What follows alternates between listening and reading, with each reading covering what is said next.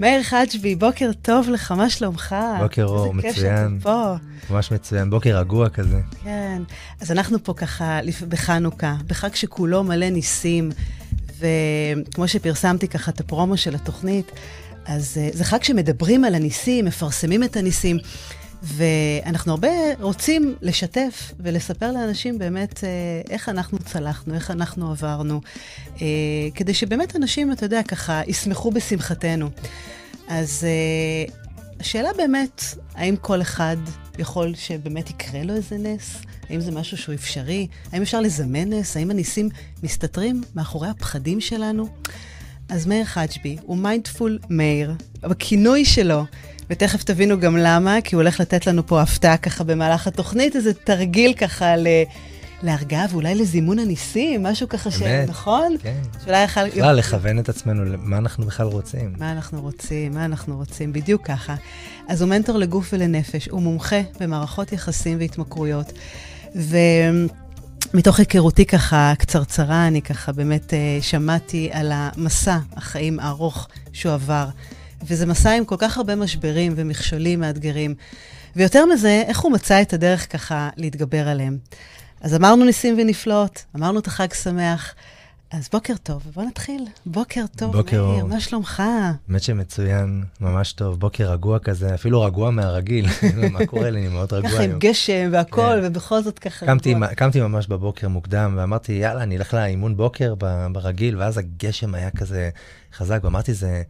זה מה זה אופציה מקסימה להיות ככה במדיטציה עמוקה כזאת, להיות בפוקוס על הקולות רקע, על הגשם, זה כיף. זה... נכון, להקשיב לגשם ולהריח את הריח של הגשם. ופתחתי את החלונות באמת. וככה ישבתי, תרגלתי את התרגול בוקר שלי. סליחה. ועוד איזה ככה בין 40 דקות לשעה של ישיבת מדיטציה, לראות מה עולה, על מה אני רוצה לדבר בכלל. אה, מי אני ביחס ל, לכל הדברים שקורים לי היום בחיים וקורים לא מעט, ו, וזה כיף שיש את היכולת הזאת בכלל, פשוט לשבת ולהיות בקשיבות. זה התבוננות ככה עמוקה. פנימית. וזה ככה כל בוקר? כל בוקר, כן, כל בוקר. האמת שאני לפעמים גם כמה פעמים ביום אני מתרגל, זה מאוד חשוב לי, המקום הזה. זה מה שמחזיק אותי תפקודי. אני חושבת שזה כמו להטעין את עצמך. זה ממש, ממש ככה. אני, נכון? אני אומר שמדיטציה זה, זה, זה לשלוח uh, וואטסאפים לעצמך, או לקבל וואטסאפים מאלוהים. לשלוח, לשלוח לק... וואטסאפים לעצמך. כן, או לקבל וואטסאפ מאלוהים, כאילו, mm. אנשים מחפשים, אומרים, מחפשים ניסים, איך אמרת? ניסים, ש, שאלוהים ישלח ניסים, שניסים יקרו. ואני אומר שהאני מאמין שלי זה שאפשר לייצר ניסים. קודם כל, לשאול את עצמי, מה אני באמת רוצה. Mm, אוקיי, אז רגע, מה, מה זה נס בכלל?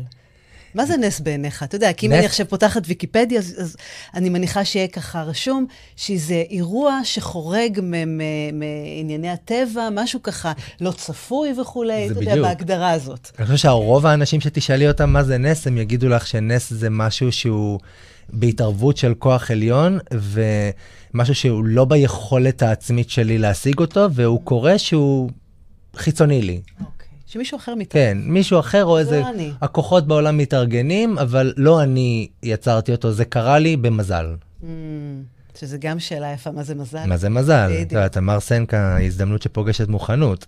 ואני שואל תמיד אה, אנשים שמגיעים אליי, גם לקליניקה, אם אתה מוכן לעשות את מה שאתה רוצה לעשות, או לפני כן, מה אתה בכלל רוצה לעשות? וואי, אתה יודע, זו נקודה כל כך חשובה, כי כשאני פוגשת אנשים, אני שואלת אותם מה אתם רוצים, ולרצות כולנו רוצים. הרי מי לא רוצה שיהיה לו טוב בחיים? יותר יודעים מה הם לא רוצים. מי לא רוצה להיות אופטימי ושמח ורגוע ושלו ולקבל את השמחת חיים?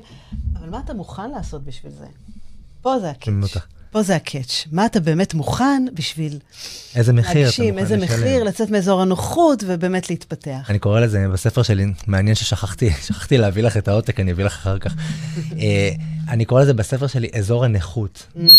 כי כמישהו שהתמודד עם נכות אה, לא פשוטה, וגם קיבלתי אובדן כושר עבודה, 100% אובדן כושר עבודה לצמיתות. אה, ויצאתי מהמקום הזה והגעתי למקום שאני בשלושה אחוז הכי תפקודיים היום. אה, זה לא קרה בניסים ובמזל, כאילו זה כן נס, אבל זה לא קרה, כאילו זה לא נפל עליי מהשמיים. היה לי איזשהו vision. הארה כזאת. בדיוק, והיה לי vision, והיה לי סיבה מספיק טובה וחזקה, זאת אומרת, היה לי איזשהו למה שפיתחתי לעצמי, למה אני רוצה להיות במקום הזה. וזה מה שהנחה אותי קדימה, עם הקשיים, ועם הליפול ולקום, ו- ופשוט לא ויתרתי עד שהגעתי לנקודה שאני נמצא בה היום, וזה מעניין, כי כל פעם היעדים מתחלפים. Mm, כי כל, כל פעם את מגיעה לאיזשהו, לאיזושהי פסגה עם עצמך, ואת אומרת, אוקיי, הגעתי לכאן, רגע, אז מה, פה זה נעצר? לא, אם הגעתי לכאן, אז אני, אז אני יכולה גם יותר.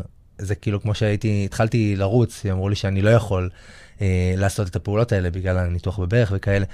אז זה התחיל בקילומטר הליכה ריצה, ואז זה נהיה חמישה קילומטר, ואז עשרה, ואז זה נהיה חצאי מרתון, עשרות חצאי mm. מרתון, ואז כמעט מרתון, ואז אוקיי, אם אני יכול לעשות את זה, אז אני, אז בוא נלך כבר לעשות ספורט אתגרי, וקרוספיט ועניינים, והגעתי לתוצאות שהן... וואו, אתה יודע, זה, אתה מדבר פה על אין גבול בעצם לדברים. הגבול הוא לא קו קיים, דמיוני. לא קיים הגבול הזה. זאת אומרת, כל פעם אתה יכול לאתגר את עצמך ולקחת את עצמך עוד שלב ועוד שלב. ובכלל, דיברת על פסגה. מה זה בכלל פסגה? בדיוק. הרי כל צעד שלנו הוא פסגה בפני עצמה. זאת אומרת, להגיע, לשים את הדגל ולהגיד, וואו, הנה, עשיתי את זה, אני שם. אבל יש לנו עוד, כמו שאתה אומר, רגע, ומשם עוד שלב, ועוד שלב, ועוד שלב. כדי באמת גם להרגיש את, ה, את המקום הזה, וגם לעצור, ולעצור ולהתבונן. זה ו- חשוב, זה מאוד ולחוות חשוב. את, ה, את הרגע הזה ו- וליהנות ממנו. זה מאוד חשוב לעשות עצירה ולהתבונן, ולזמן אסירות תודה למקומות האלה. כי לא מעט פעמים קורה לי גם, אחרי שכבשתי לא מעט יעדים. כן. את יודעת, להוציא ספר לאור, לעשות הרצאה, עניינים, ובפרק זמן יחסית לא כזה ארוך, זה חתיכת מסע. והיה לך באמת רשימה כזאת, או, או, או יעדים שאתה יודע שאתה רוצה להגשים היה אותם? לי, ויש לי. Mm, האמת שעכשיו בפורטוגל, בדיוק חזרתי שבוע שעבר, אמרתי, אני רוצה למצוא לעצמי איזשהו מקום עם מרפסת יפהפייה על גדות הנהר, ושם אני רוצה לשבת ולכתוב את היעדים שלי לשנה הבאה. זימנתי את זה בראש שלי, mm, בתת כן. מודע שלי, ואיכשהו פשוט עצרתי על הדרך באיזשהו מקום שבפוקס היה להם חדר עם מרפסת על הגדות של הנהר, ושם באמת כתבתי את היעדים שלי לשנה הבאה. איזה כיף. אוי, זה פסטורלי וכל כך מדהים, מדויק. מדהים, באמת, מדהים ומדויק. ומה שרציתי מקודם להגיד על המקום הזה של אסירות תודה, כי גם לי יש רגעים שלפעמים אני מתעורר בבוקר ואני בתחושה ש... כמו ריקנות כזאת פתאום, כאילו לא עשיתי כלום, מה הלאה? והמקום הזה שמחבר אותי לעצמי, או ממנו אני מטעין את האנרגיה קדימה, זה הרגעים האלה של להיות אסיר תודה על המקום הזה שאני נמצא בו היום. כי המקום שאני נמצא בו היום עבור אדם אחר זה פסגת האברסט. וואו. וואו, אתה יודע, אתה, אני רוצה לחדד מה שאמרת פה, כי אני בטוחה שזו תחושה שהרבה מרגישים אותה. אמ, יש לי חברה יקרה שעל פניו לא חסר כלום. אתה יודע, באמת, חיה טוב ומשפחה נפלאה. והיא שיתפה אותי שלפעמים מרגישה את התחושת העצבות הזאת, שהיא לא מבינה מאיפה זה מגיע, בדיוק מה שאתה אמרת, הריקנות. ואני חושבת שהרבה מאיתנו חווים את הדברים האלה, כי, כי ביום-יום אנחנו עסוקים וכולי, אבל לפעמים יש באמת משהו ככה פתאום ש... אתה יודע, כמו שאתה מתעורר, ו- ולא תמיד אנחנו הפי ואופטימיים ושמחים, ו- וזה לא, לא עובד ככה, הלוואי, אבל אתה יודע מה, גם לא הלוואי. לא, לא, אנחנו צריכים את האומדן הזה, בדיוק. בדיוק, יד ימין, יד שמאל, אנחנו צריכים את, את, את, את האיזון הזה.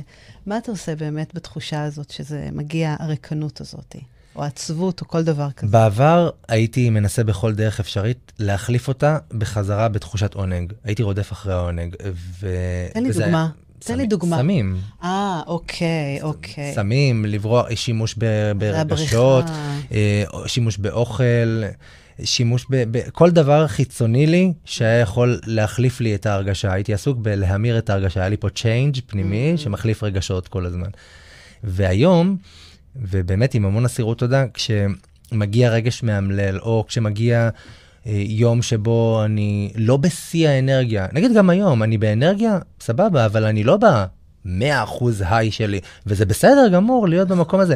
בעבר אני הייתי יכול להרגיש מאוד לא נוח עם המקום הזה, מאוד לא בסדר, מאוד אה, להרגיש המון אשמה, מה הסביבה חושבת, אה, רואים את זה, מה, אבל זה, זה, זה הכל חוויה פנימית. היום אני יודע לדבר עם עצמי בתוך המקומות האלה. המודעות והקבלה. ולקבל ולדעת לארח גם את הרגשות הפחות עוצמתיים, גם את הרגשות המאמללים, ולהבין שהכל ארעי. בחיים. נכון, הכל עובר בסופו של דבר. דבר, ככה זה ילך.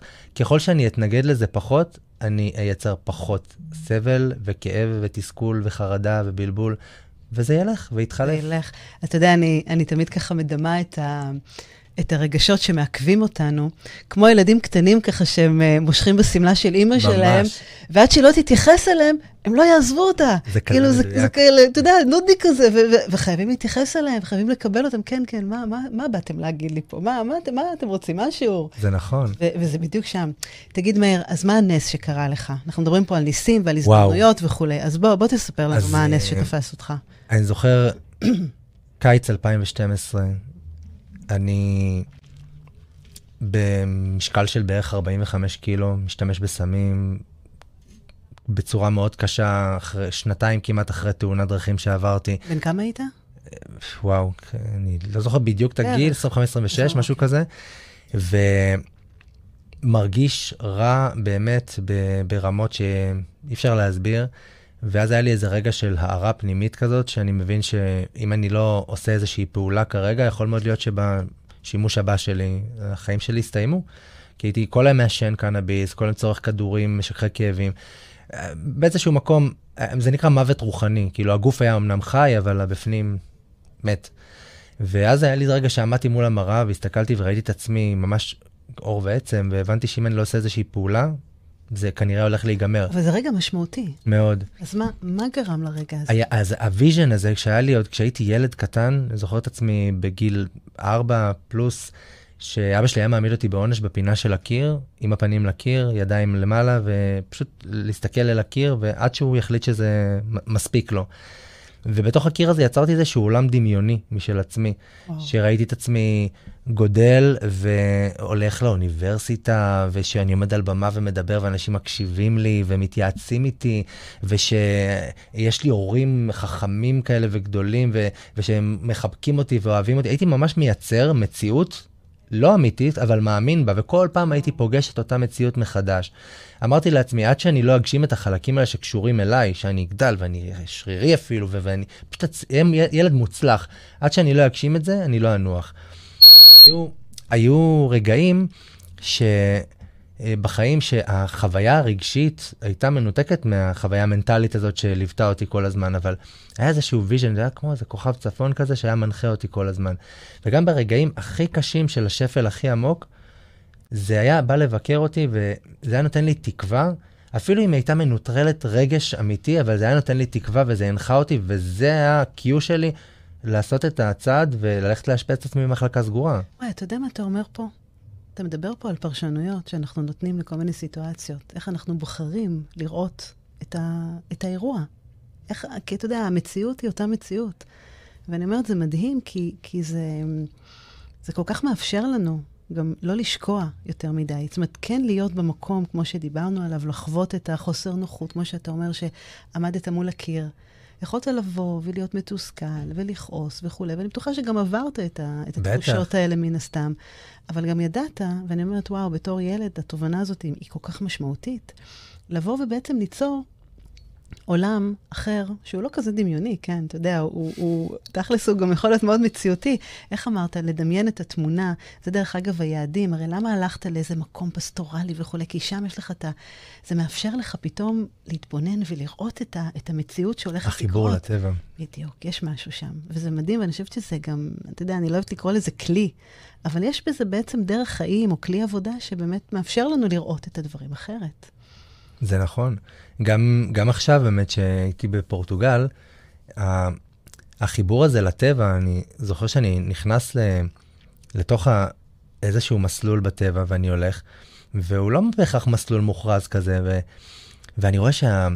אני הולך בשביל והעצים נראים אותו דבר, והשיחים עם התחב, הסלעים עם התחב נראים אותו דבר, והריח של האדמה הרטובה, ואני ממשיך להתקדם, אני מרגיש איזשהו סטרס ופחד כזה, ואז כאילו התת מודע מתחיל להתעורר ואומר לי, תחזור, תחזור, זה מסוכן, יכול להיות פה איזה משהו לא... הפחדים שלנו. הפחדים עולים. ואני שם לב לשיחה, לסיפור הפנימי, ואני אומר לעצמי, לא, לא, אני ממשיך להתקדם למרות זאת, צולל איזשהו מסלול חדש, מתמודד עם הפחדים שלי. והאמת שנחשף בפניי נחשפה בפני צורת נוף באמת מדהימה, וככל שכאילו המשכתי להתקדם, ראיתי שהחרדה לאט לאט הולכת ויורדת, וזה פשוט מקסים לגלות את החלקים האלה כל פעם מחדש. וואי, זה מרתק. רגע, אז אתה אומר, אתה מסתכל במראה, ואתה אומר לעצמך, זהו, זה לא יכול להימשך ככה. מפה אני חייב לאשפז את עצמי. אני חייב לאשפז את עצמי, ואז אני נכנס למחלקה סגורה, מאשפז את עצמי, ומשם התחיל uh, מסע של כמה שנים uh, מאוד ארוכות, שהוא עבר בדרך מרכז גמילה של חצי שנה, והתמודדות עם הפוסט-טראומה הקשה שעברתי מהתאונת דרכים, ומסע מאוד מאוד ארוך שצללתי אל תוך עצמי, וטיפול ביחידה להתמכרויות, ו...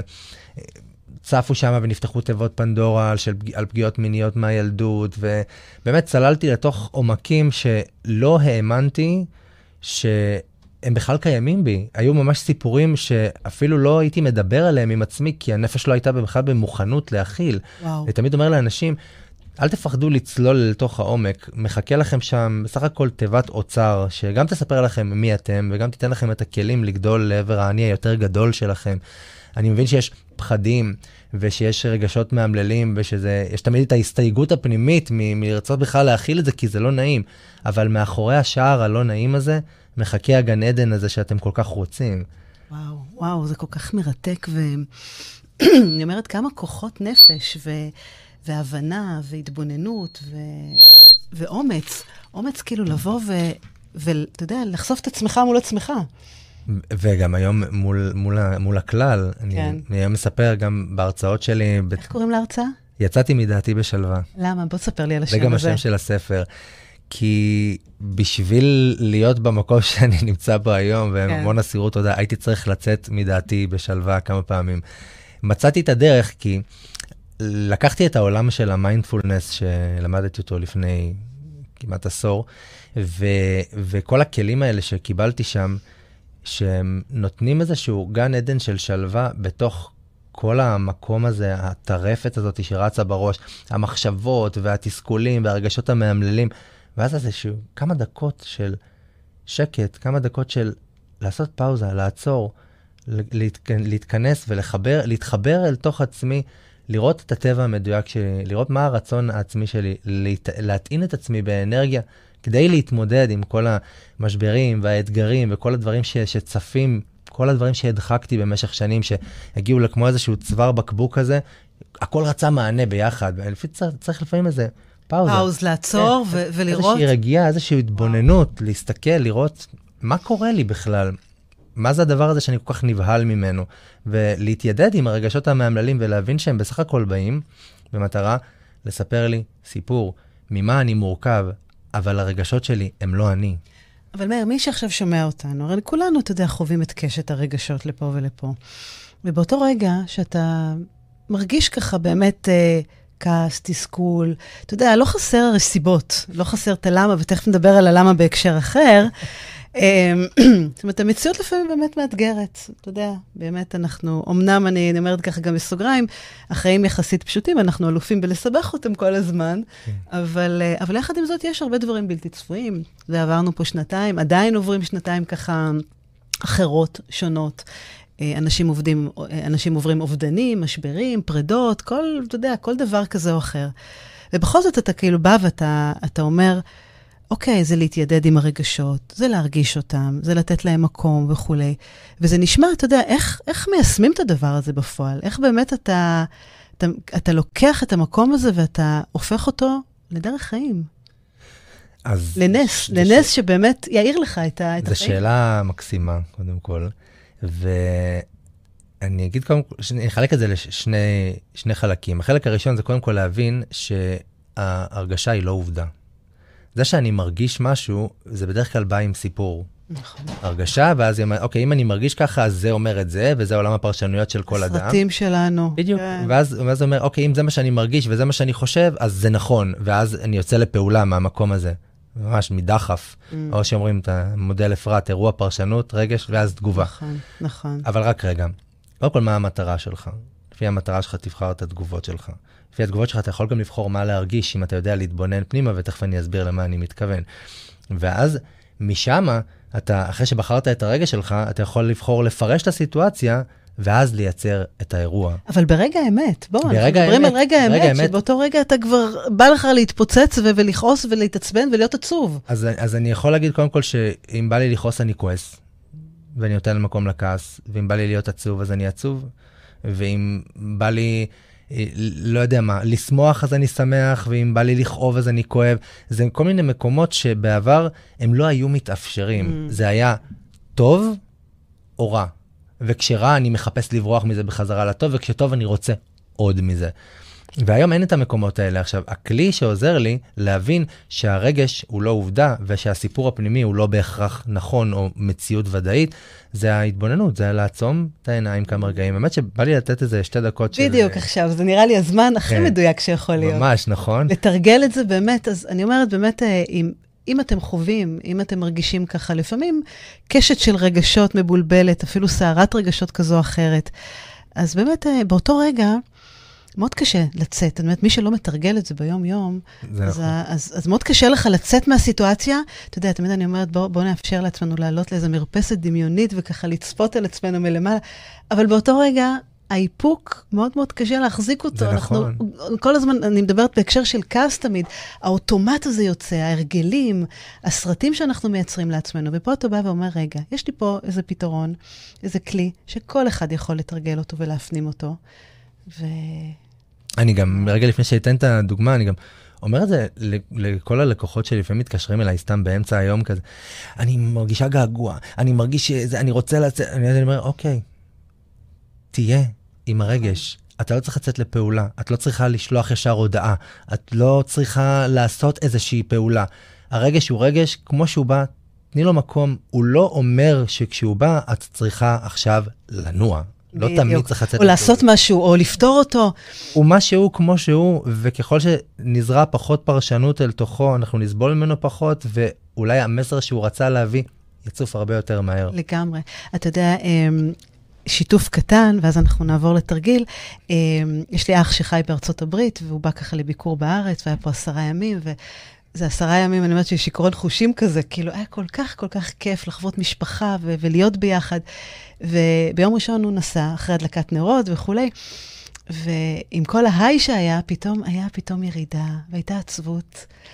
ואני זוכרת ששאלתי את עצמי, אמרתי, אתה יודע, אתה יכול באותו רגע להתקשר לחברה, ללכת, לצאת, להיות עם הילדים, לעשות איזה משהו, כאילו, כביכול, לברוח ולהשיג את עצמי, ואני אומרת, לא, אוקיי, זה בסדר, מותר לך להיות עצובה. בטח. כאילו, העצבות הזאת קיימת, וכן, והיא עוברת, והיא עוברת כי, כי שום דבר הוא לא, כמו אמרנו, הכל ראי, והכל עובר בסוף. היא גם באה להגיד משהו. עם משהו, בדיוק. באה- היא באה להגיד לך שהיו לך כמה ימים של טוב, מדהים, אתה מעריך את זה הרבה יותר. גדול כזה, הרבה הרבה בטח. יותר, לגמרי. זה, זה כמו אבל ואובדן, Mm. מה הוא בא להגיד? שהיה לי משהו טוב, הוא בא לאשר את זה, אחרת אם הוא לא היה, אז לא היה לי את האומדן למה איבדתי בכלל. כן. כמה הדבר הזה היה קרוב וחשוב לי. כן, אז אל תברחו מהרגשות המעכבים, הם רק מצמיחים, מפתחים, הם רק מחזקים לנו את השרירים בסופו של דבר.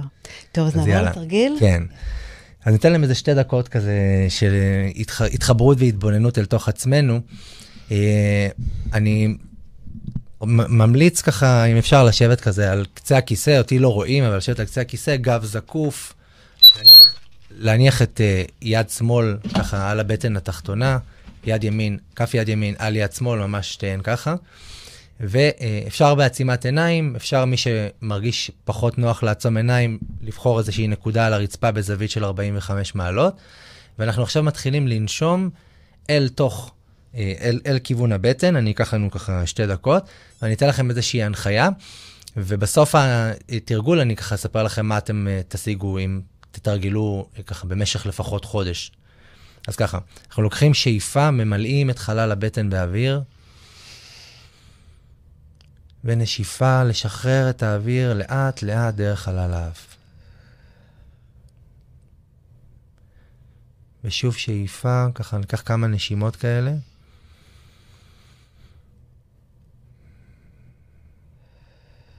תפנו את תשומת הלב אל הנשימה, אל הנקודה המרכזית שבה אתם מרגישים את האוויר עובר.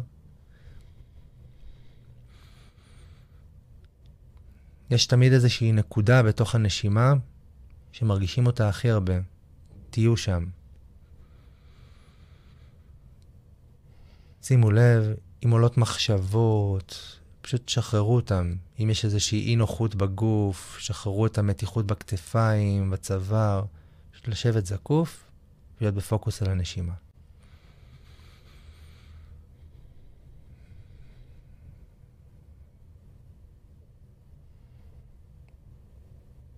שאיפה למלא את חלל הבטן באוויר. נשיפה לשחרר לאט לאט מהאף, לאט לאט. עשו שהשאיפה תהיה פי שלוש יותר איטית מהשאיפה.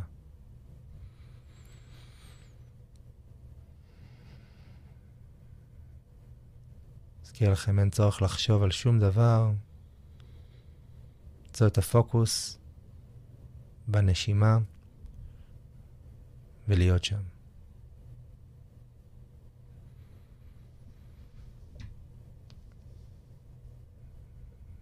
קחו עוד איזה שתי נשימות ושאיפות. להניע את האצבעות תוך כדי לאט לאט. עוד שאיפה, לפקוח עיניים. ומה שלומכם? וואו. אז מה שלומך? תמיד התעוררות ככה, פתאום, פתאום מתעוררת האולפן נראה אחרת לגמרי. כן, פתאום יש ככה אנרגיה אחרת. החיבור לעצמנו, אז אני ככה אגיד שזה גם מחקרים מוכיחים את זה, מי שיקום כל בוקר, אפילו אחרי הקפה של הבוקר, ייתן לעצמו חמש דקות של לעצום את העיניים ולהיות בפוקוס על הנשימה, או בפוקוס על קולות הרקע מסביב.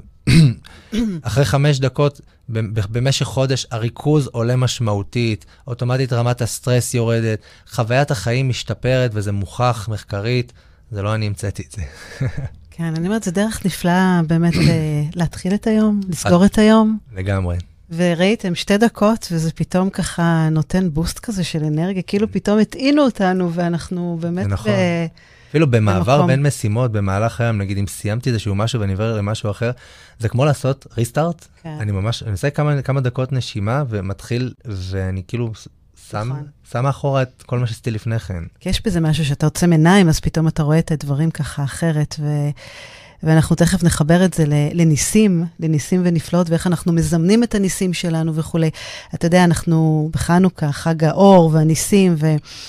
ואני אומרת, אה, אה, יש משפט מאוד מפורסם וגם שיר של, אה, של הרב קוק, שדיבר על שכל אדם ידע ויבין שבתוך תוכו דולק נר. שכל אחד באמת יש את הנר שדולק אצלו. ואיך אנחנו יכולים להאיר את עצמנו מבפנים ולהאיר את העולם אחר כך לכולם. וזה מאוד מתחבר לניסים ולנפלאות ולהזדמנויות שאנחנו, שנקרות בידינו.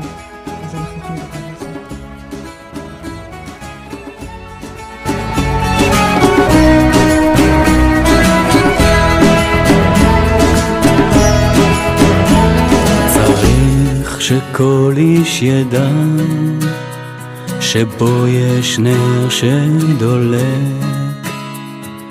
ואין נרו שלו כנר חברו איש מקסים שגם מחר בערב יש לו הרצאה נפלאה על כל סיפור חייו, ש... שהוא באמת אה, כולו מלא ניסים ונפלאות. לחלוטין. אז האמת שאם כבר הזכרת את ההרצאה, זה, זה יהיה באברהם הוסטלס, בלוונטין 21, בשמונה וחצי בערב, וניתן אה, למצוא את זה באתר פאנזינג, יש את ההרצאה, קוראים לה יצאתי מדעתי בשלווה. יש עדיין כרטיסים, אז אה, מוזמנים בשמחה. אתם מוזמנים ולשמוע קצת הניסים ונפלאות, ככה באמת איך אנחנו מזמנים. אז מאיר, איך מזמנים ניסים? אז כמו שאמרתי מקודם, אה, קודם כל צריך שתהיה לך איזושהי תוכנית. תוכנית פעולה. להסתכל, להסתכל אל תוך עצמך ולשאול את עצמך, מה אתה בכלל רוצה? עכשיו, בדרך כלל הרצון העצמי, הפנימי, העמוק שלי, הוא מגיע עם המון אמונות מגבילות, ש... זה לא אפשרי לעשות את זה. אני לא יכול, בטח. אני לא מסוגל, כן, זה גדול עליי. ה-NLP אומר, ואגב, אני בדרך למאסטר ב-NLP, ה-NLP אומר, אם יש אדם בעולם שהגשים איזשהו משהו, משהו מסוים, כנראה שזו יכולת אנושית קיימת, כי אם זה קיים אצלו, אז, אז כנראה שזה אפשרי. זאת אומרת שהכל אפשרי. השאלה היא, כמה אתה מאמין בעצמך, ביכולות שלך, ויודע איך להגיע אל תוך גן הרגשות הפנימי הזה שהוא קיים בכל אדם, ומעורר אותם לצאת לפעולה. ולהגדיר איזשהו vision, איזשהו חלום, לכתוב אותו, אני תמיד אה, קורא לזה, ואני רואה את זה מפעם לפעם כשאני כותב את היעדים שלי, כשאני כותב את זה, אני אומר לעצמי, עכשיו אתה כותב איזושהי אגדה של וולט דיסני. פנטז, תגזים, תעיז, תרשה לעצמך לעוף הכי בגדול שיש, מקסימום תגשים את זה. מה כבר יכול להיות? ואז פורטים את זה לפעולות. אוקיי, okay, אבל מאיר, אתה יודע, זה, זה מדהים וזה נכון, כי אתה באמת לוקח פה אחריות על החיים שלך, ואתה יוצר פעולות שבעצם, הרי אתה יודע, אנחנו יכולים להציב לנו יעדים, אבל מה אנחנו צריכים לעשות כדי להתקדם בסולם הזה בשביל להגשים אותם? אז אני צריך למה. Okay. אוקיי. מאוד מאוד חזק, ואני אומר את זה גם בהרצאות שלי, וכמעט בכל מפגש או ראיון או איזושהי שיחה ברדיו, שאני זוכר שכשקראתי את הספר של ויקטור פרנקל, האדם מחפש משמעות, והוא מצטט שם את ניטשה, הוא אומר, מי שיש לו איזה למה שלמענו יחיה, יוכל לשאת כמעט כל איך. ואני זוכר שכשקראתי את הספר שלו, מאוד הזדהיתי עם, עם, עם החוויה שלו, כי, וגם הרגשתי קצת אשמה, אני חייב להיות כן, כי אומר, בן אדם הזה עבר שואה והכל, ואני עברתי את השואה העצמית שלי, בין אם זה ב, בילדות שלי או אחר כך קדימה. ו, והיה לי למה מאוד מאוד חזק שהוא פעם בפנים, ולכל אדם יש למה, הוא פשוט צריך לעורר אותו. יש לך חלום, בשביל להקים את החלום הזה אתה צריך למה מאוד חזק, והלמה הזה בדרך כלל הוא בא עם מה הייעוד שלי, מה אני עושה במטרה לשפר כל אדם שאני פוגש אותו, כל מפגש עם אדם, עם קבוצה, איזה ערך אני מייצר לעולם. בדרך כלל, ככל שהערך שלך הוא יותר חזק, ככל שאתה תצליח לפתור לאנשים יותר בעיות בחיים שלהם, אתה גם תרגיש הרבה יותר משמעותי. סיפוק ומשמעותי בדיוק, הלמה זה משמעות.